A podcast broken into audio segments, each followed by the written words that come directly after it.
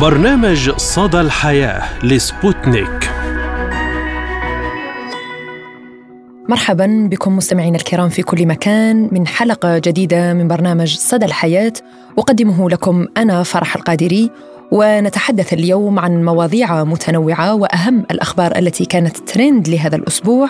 ونبدأ الحلقة بموضوعنا الرئيسي عن الأوضاع الإنسانية في السودان نتيجة الحرب وتوقعات أممية ببلوغ عدد الفارين من البلاد مليون لاجئ هذا العام.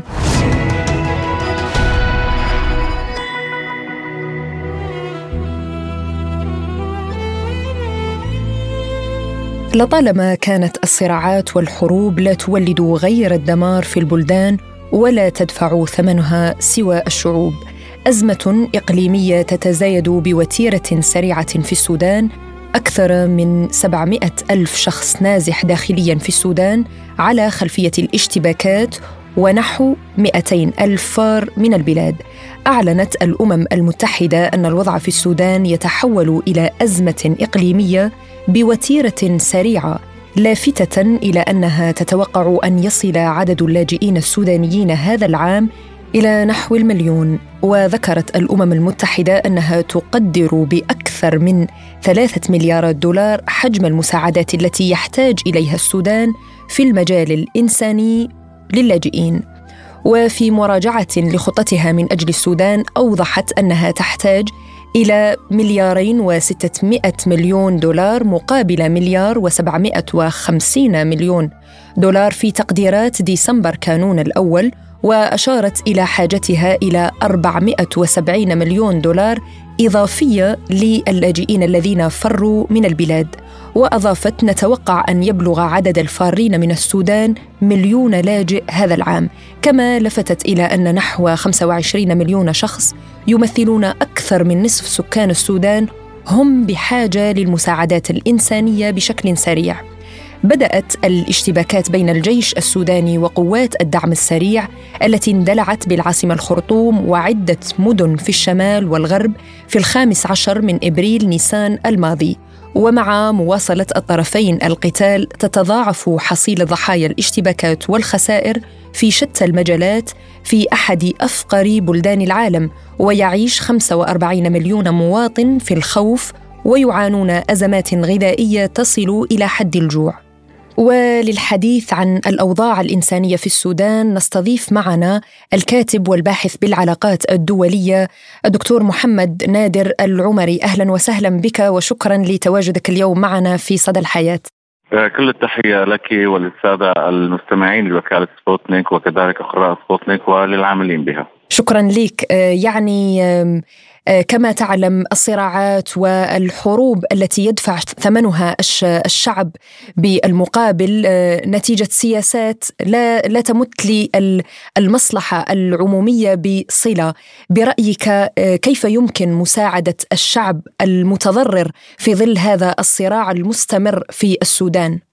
يعني بطبيعة الحال اليوم ما يحصل في السودان من حيث المضمون آه، هو آه، صراع حقيقي. يعني يعكس إرادات وهذه الإرادات لا تعكس فقط آه، طرفي الصراع بل هي إرادات الدول التي تتسابق لخلق الأزمات والصراعات على مستوى النظام الدولي تدعيم نفوذها وتوسع يعني نفوذها على مستوى الساحة الدولية. لذلك اليوم عندما نتحدث بأن هناك في السودان نزاعا داخليا هذا ليس بالمصطلح الدقيق كما يروج له من قبل. البعض هو صراع حقيقي واليوم طرفي الصراع هم يمثلان هذا الصراع. وبالتالي عندما نتحدث عن معالجة هموم الشعب السوداني يتطلب ذلك بالدرجة الأولى توافر الإرادة السياسية الإقليمية والدولية لحل الأزمة في السودان والضغط على طرفي الأزمة بالذهاب نحو طاولة المباحثات أو يعني إيجاد آلية أخرى من خلال نقل السلطة إلى جهة مدنية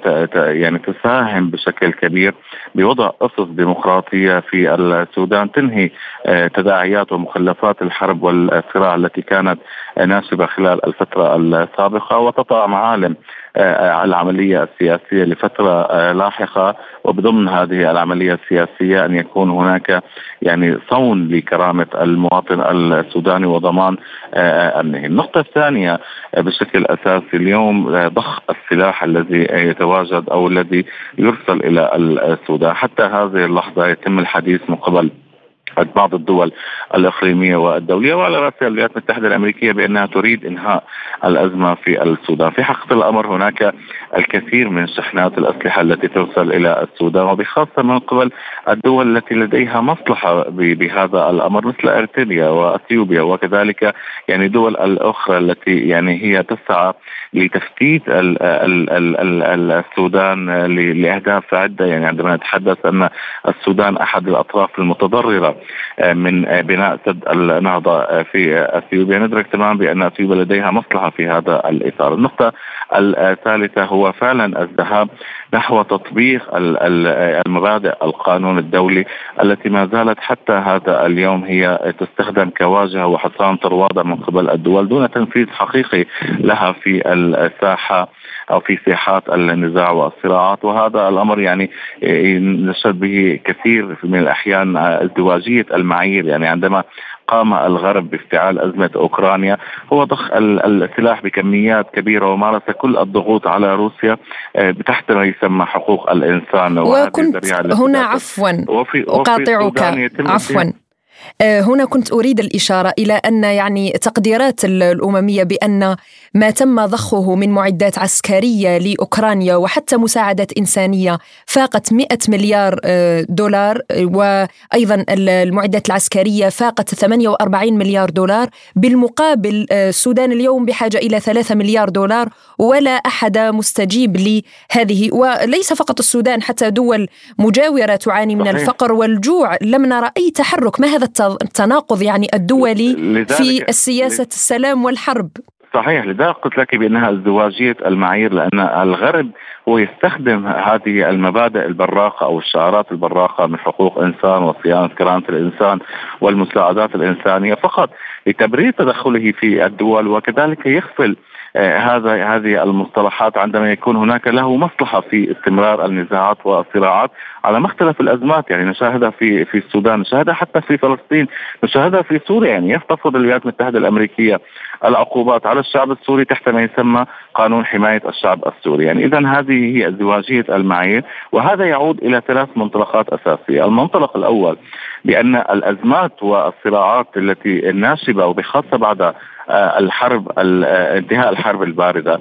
هي وسيلة للحفاظ على الهيمنة الأمريكية على النظام الدولي وكذلك الحفاظ على المؤسسات الليبرالية التي باتت اليوم أكثر توحشا مما كانت عليه في السابق وتسعى للحفاظ على موارد قوتها من خلال آه، إبقائها على الصراعات في هذه الدول لسلب ثرواتها. وهناك نظرية لدى الولايات المتحدة الأمريكية والدول الغربية تقول بأن من الضروري إضعاف كل الدول وإبقائها في حالة من التصدع لكي تتمكن هذه الدول يعني اليوم للهيمنة على النظام الدولي كما كان يحصل سابقا ضمن نظرية الشمال والجنوب والتمييز الذي كان يحصل خلال العقود السابقة. النقطة الثانية أو الوسيلة الثانية كان يتم توظيف المنظمات الدولية حتى يعني اليوم النزاع في السودان والصراع في السودان هو يعني امتداد للصراعات التي شهدتها العديد من الدول الأفريقية خلال الفترة الماضية وهذا له آه، أكثر من بعد، بعد جغرافي نعم. أهمية القارة الأفريقية ضمن الخارطة الجيوستراتيجيه على مستوى النظام الدولي، أهمية الخارطة الإفريقية بما تتمتع به من ثروات باطنية نعم. وكذلك آه، موارد غنية جدا تشكل مواد أولية للدول المتقدمة.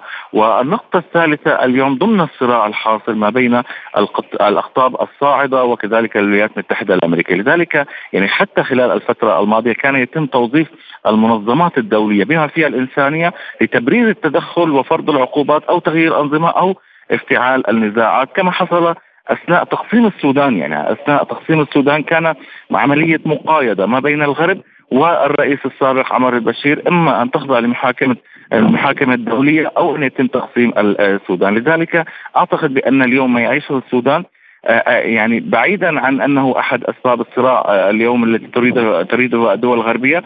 هو نتيجة ما ارتكبته السياسات الغربية. من اخطاء في هذه القاره، عندما حصل هناك توازن داخل هذه الهيئات الدولية بما فيها مجلس الأمن مع عودة روسيا والصين إلى الساحة الدولية، وجدنا بأن هذه الدول تلجأ إلى ما يسمى الحروب الناعمة أو ما يسمى الحروب الأجيال الخامسة والسادسة وهي تغذية النعرات يعني الصراعية سواء كانت طائفية عرقية قبائلية أو حتى آه، يعني الوصول إلى آه، آه، السلطة. وهذا أمر خطير جدا أن تستمر حالة هذه الصراعات على مستوى النظام الدولي لأن هذا يستنزف موارد القوى وهو يبرر تدخل خارجي. وسمعنا منذ يومين على سبيل المثال يعني أن الولايات المتحدة الأمريكية تلوح بتدخل خارجي. يمكن الولايات المتحدة الأمريكية إن أرادت فعلا حل الأزمة في السودان أن تقوم بهذا الحل من خلال الضغط على الدول المجاورة للسودان بعدم بإغلاق الحدود وعدم إرسال السلاح وبالضغط حتى على يعني طرفي الصراع والخطير في هذا المشهد أكثر بأن المؤسسة العسكرية هي ذاتها تنقسم على نفسها. يعني حتى قوات التدخل السريع التي أنشأت كقوات رديفة هي داخل المؤسسة العسكرية وبالتالي تحول النزاعات الإفريقية من نزاعات قبلية وعرقية إلى نزاعات مؤسسية. هذا يعني بأن هناك مسعى لإلغاء فكرة الدولة ولإلغاء فكرة المؤسسات والعودة إلى الفكر القبلي. والعشائري نعم يعني آه، من أيضا تداعيات هذه الأزمة التي بدأت في 15 آه، أبريل آه، اشتباكات قوية وعنيفة.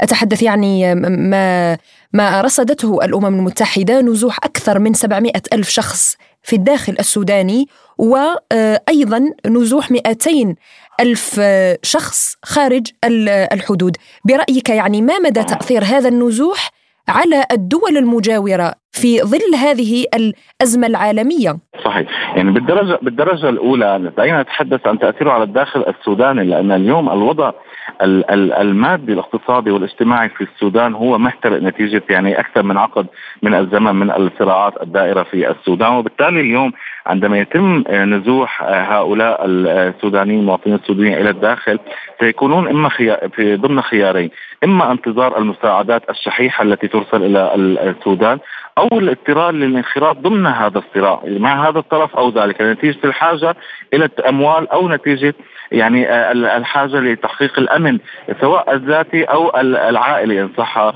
التوصيف وبالتالي هذه أحد نقاط الخطورة عندما لا يتم إرسال المساعدات إلى الشعب السوداني بشكل صحيح وإيصالها إلى مستحقيها هذا الأمر يدفع باقي السودانيين للاضطرار آه، للانخراط في هذا الصراع يعني لتأمين مقومات الحياة اليوميه وتأمين مقومات الأمن الشخصي والجماعي.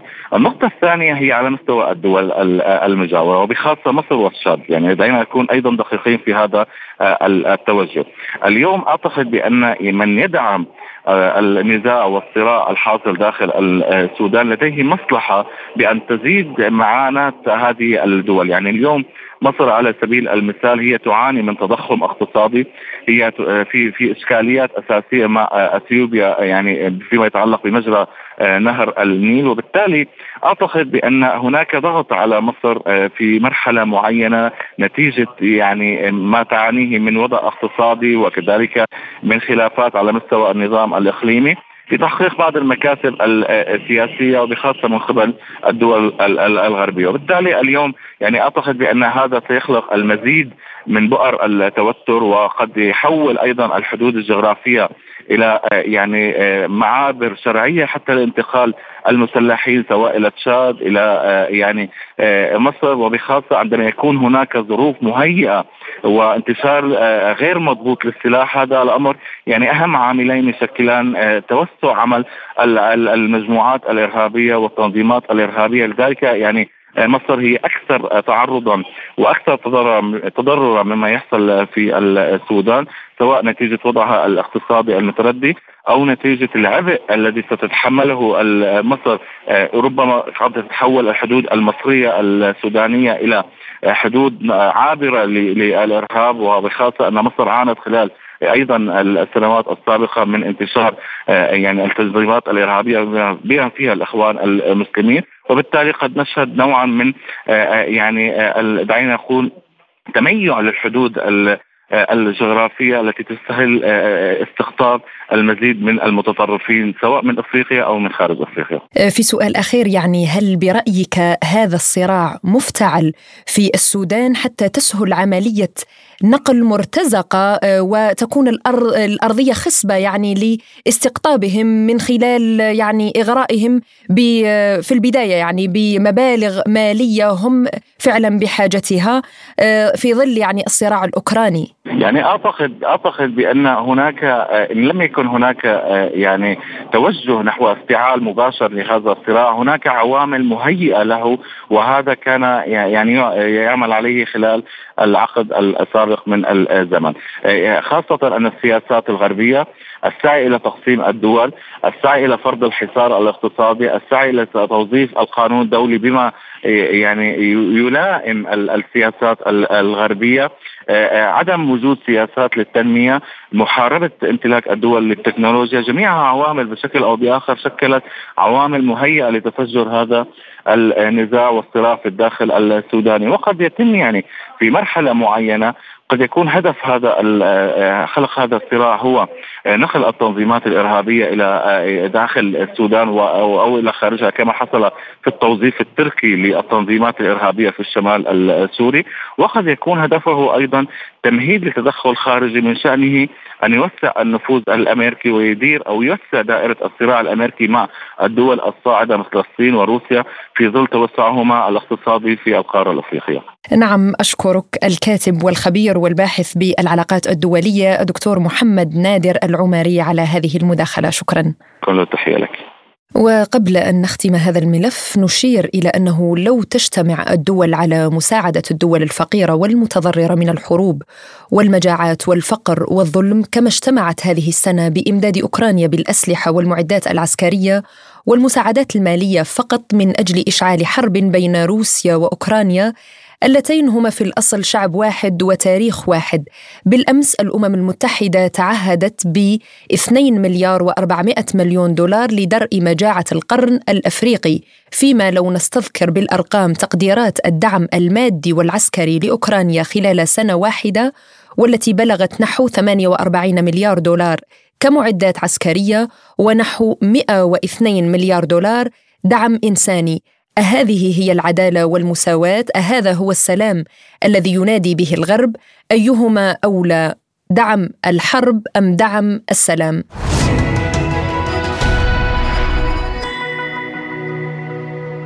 نواصل مستمعينا الكرام معكم حلقة اليوم بأهم الأخبار التي كانت ترند لهذا الأسبوع. تصدر اسم مصممة الجرافيك المصرية غادة والي محركات البحث في جوجل خلال الأسبوع الماضي بعد أزمة اتهامها بسرقة رسومات الفنان الروسي جورج كوراسوف بمحطة مترو كلية البنات ولم ترد على ذلك الاتهام رغم مرور عاما على الواقعة وقال الفنان الروسي جيورجي كوراسوف إنها أساءت استخدام لوحاته وغيرت ملامحها ونسبتها لنفسها وأضاف كوراسوف في مقابلة متلفزة أن غادة والي أدخلت لوحاته على الكمبيوتر لتغيير بعض الألوان ونسبت العمل الفني لها وأوضح أن الكثير من المصريين أرسلوا له صور الرسومات الخاصة بالأزمة من محطة المترو وكذلك الرسومات على علب المشروبات الغازية ومن هنا كانت بداية علمه بالواقعة. وأكد الفنان الروسي أنه يعتزم القيام ببعض الإجراءات القانونية بشأن استغلال لوحاته لافتا إلى أن المصممه المصريه لم تحاول التواصل معه ولا أي طرف من جانبها. ومن جانبها خرجت غادة والي منذ أيام تدافع عن نفسها مؤكدة أنها صاحبة التصميمات الأصلية الخاصة بحملة المشروبات الغازية وفي بيان صحفي تداولته عدة وسائل إعلام مصرية محلية وصفت غادوالي اتهامات الفنان الروسي بالكاذبة معتبرة أنه يسعى لركوب الترند واكتساب الشهرة عبر اتهامها زورا من حين إلى آخر دون تقديم إثباتات على حد وصفها كما نشرت مقطع فيديو على حسابها في مواقع التواصل الاجتماعي أعلنت فيه اللجوء للقضاء لإثبات حقها ومواجهة التنمر الإلكتروني الذي تعرضت له. وفي خبر آخر تفاعل واسع على سجود رونالدو احتفالا بهدفه في الشباب.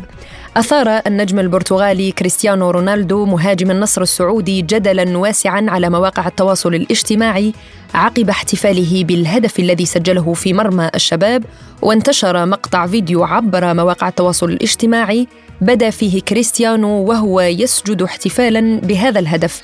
تفاعل رواد المواقع مع الفيديو حيث أشاد كثيرون بتصرف الدون رونالدو ووصفوه بأنه لقطة الموسم لافتين إلى أن سجدة رونالدو ستنتشر في العالم وستكون حديث وسائل الإعلام. وقاد كريستيانو فريقه النصر لتحقيق فوز صعب على الشباب بنتيجة ثلاثية مقابل هدفين في المباراة التي جمعت الفريقين على ملعب مرسول بارك في قمة الجولة الثامنة والعشرين من الدور السعودي بتسجيله هدف الفوز. وحافظ كريستيانو رونالدو على آمال النصر بالتتويج بلقب الدور السعودي بعدما أبقاه على بعد ثلاث نقاط من المتصدر الاتحاد. هذا وقد تداول رواد مواقع التواصل الاجتماعي مقطع فيديو لكريستيانو رونالدو جونيور نجل البرتغالي كريستيانو رونالدو وهو يتحدث باللغة العربية مع أحد أصدقائه إذ سأله الأخير عن حاله فرد عليه الحمد لله.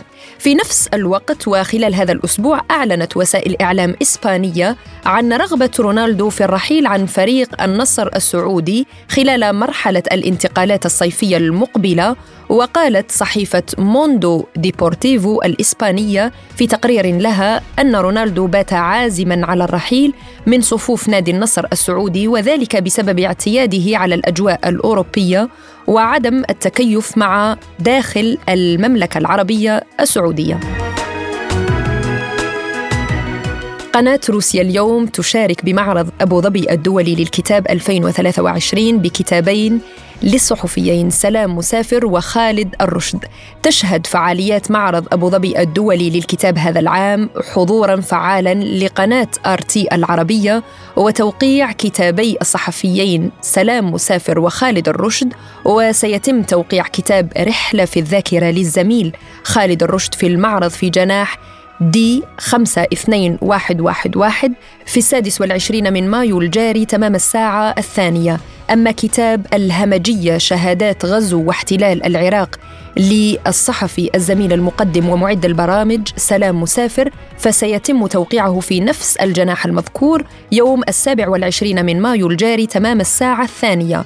ويشهد المعرض الذي ينظمه مركز أبو ظبي للغة العربية التابع لدائرة الثقافة والسياحة خلال الفترة من الثاني والعشرين إلى 28 مايو الجاري في مركز أبو ظبي الوطني للمعارض أكثر من 2000 فعالية متنوعة وحضورا واسعا من عدة بلدان. الموسيقى تساعد المصابين بالخرف على استعادة بعض جوانب ذاكرتهم أكدت دراسة علمية صدرت حديثا أن الموسيقى يمكنها مساعدة الأشخاص المصابين بالخرف على استعادة بعض جوانب ذاكرتهم والشعور بالهدوء وتعزيز مزاجهم. ووجد الباحثون أن الانخراط في الأنشطة الموسيقية يزيد المادة الرمادية في الدماغ في بعض المناطق مما يزيد من المرونة العصبية والتي تعني قدرة الدماغ على إعادة توصيل نفسه. وهو أمر بالغ الأهمية لتعلم وتشكيل الذكريات. وفيما يتعلق بممارسة الموسيقى بنشاط اقترحت دراسة 2023 أن التدريب الموسيقي طويل المدى قد يوفر فوائد وظيفية محتملة للدماغ ويساعد في إبقائه شابا. مثل هذه النتائج تجعل الموسيقى أداة قوية محتملة في علاج الخرف والذي يتميز بمجموعة من الأعراض التي تشمل فقدان الذاكرة وصعوبات في التفكير واللغة وحل المشكلات. ونختم الحلقة بمعلومة طبية كما عودناكم مستمعينا الكرام. دراسة غربية تكشف من الأكثر عرضة للوفاة بعد التعرض لنوبة قلبية. الرجال أم النساء. توصلت دراسة جديدة إلى أن النساء أكثر عرضة للوفاة بعد النوبة القلبية بمقدار الضعف مقارنة بالرجال وتسلط النتائج الجديدة الضوء على الحاجة إلى زيادة الوعي إزاء مخاطر الإصابة بأمراض القلب لدى النساء. وأشارت الدراسة التي تم تقديمها في مؤتمر فشل القلب 2023 وهو مؤتمر علمي للجمعية الأوروبية لأمراض القلب إلى أن النساء اللائي يبلغن من العمر 55 عاماً أو أقل كان عليهن الانتظار وقتا أطول لتلقي العلاج بعد وصولهن إلى المستشفى بعد 95 دقيقة في المتوسط العام مقارنة ب 80 دقيقة للرجال. ووجدت دراسات سابقة أن النساء اللواتي يعانين من نوبة قلبية عندما يكون الشريان الرئيسي الذي يغذي القلب مسدودا تماما وهي ما يعرف باسم احتشاء عضلة القلب ذات المقطع المرتفع في رسم القلب. يكون تشخيصهن أسوأ أثناء إقامتهن في المستشفى مقارنة بالرجال. ويقترح الخبراء إلى أن هذا قد يكون بسبب تقدمهن في السن وزيادة عدد الحالات الأخرى واستخدام الدعامات بشكل أقل لفتح الشرايين المسدودة. وكانت النساء أكثر عرضة للوفاة من خلال الدراسة التي قامت بتأليفها الدكتورة ماريانا مارتينو من مستشفى غارسيا دي أورتا في المادا بالبرتغال وقالت أن النساء من جميع الأعمار اللواتي يعانين من احتشاء عضلة القلب معرضات بشكل خاص لخطر سوء التشخيص وتحتاج هؤلاء النساء إلى مراقبة منتظمة بعد الإصابة بأمراض القلب مع مراقبة صارمة لضغط الدم ومستويات الكوليسترول ومرض السكري والإحالة إلى إعادة تأهيل القلب ومستويات التدخين آخذة في الارتفاع بين الشابات ويجب معالجة ذلك إلى جانب تعزيز النشاط البدني والحياة الصحية. وكانت النساء أكثر عرضة للوفاة بمعدل مرتين إلى ثلاث مرات من الرجال في غضون ثلاثين يوما. وفي هذه المرحلة توفي نحو 11% من النساء مقابل 4% من الرجال. ورغم أنه تم أخذ جميع الظروف الصحية في الاعتبار ظلت النساء أكثر عرضة للوفاة في غضون خمس سنوات من النوبة القلبية مقارنة بالرجال.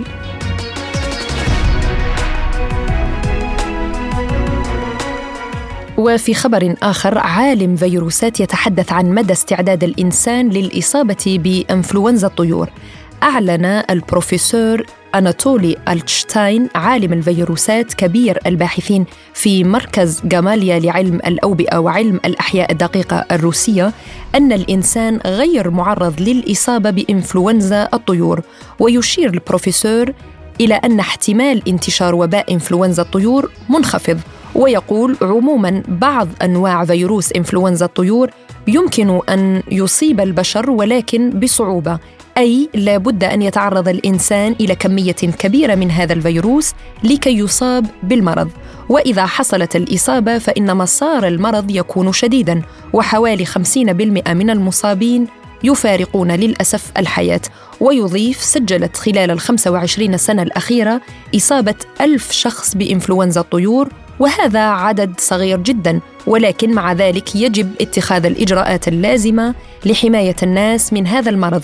وينصح الخبير بعدم زيارة مزارع تربية الدواجن وعدم لمس الطيور النافقة في الشوارع وأماكن أخرى. ويقول يجب أن تكون هناك جهة خدمية معينة تقوم بجمع الطيور النافقة وتطهير أماكنها. أما الحيوانات الأليفة مثل القطط والكلاب فليست عرضة للإصابة بعدوى إنفلونزا الطيور. إلى هنا نصل وإياكم مستمعينا الكرام إلى ختام حلقة اليوم من برنامج صدى الحياة. كنت أنا معكم من استديوهاتنا في موسكو فرح القادري. دمتم في أمان الله وحفظه. وللمزيد من متابعة أخبارنا يمكنكم زيارة موقعنا الإلكتروني سبوتنيك دوت إيه إي وقناتنا على التليجرام سبوتنيك عربي. إلى اللقاء.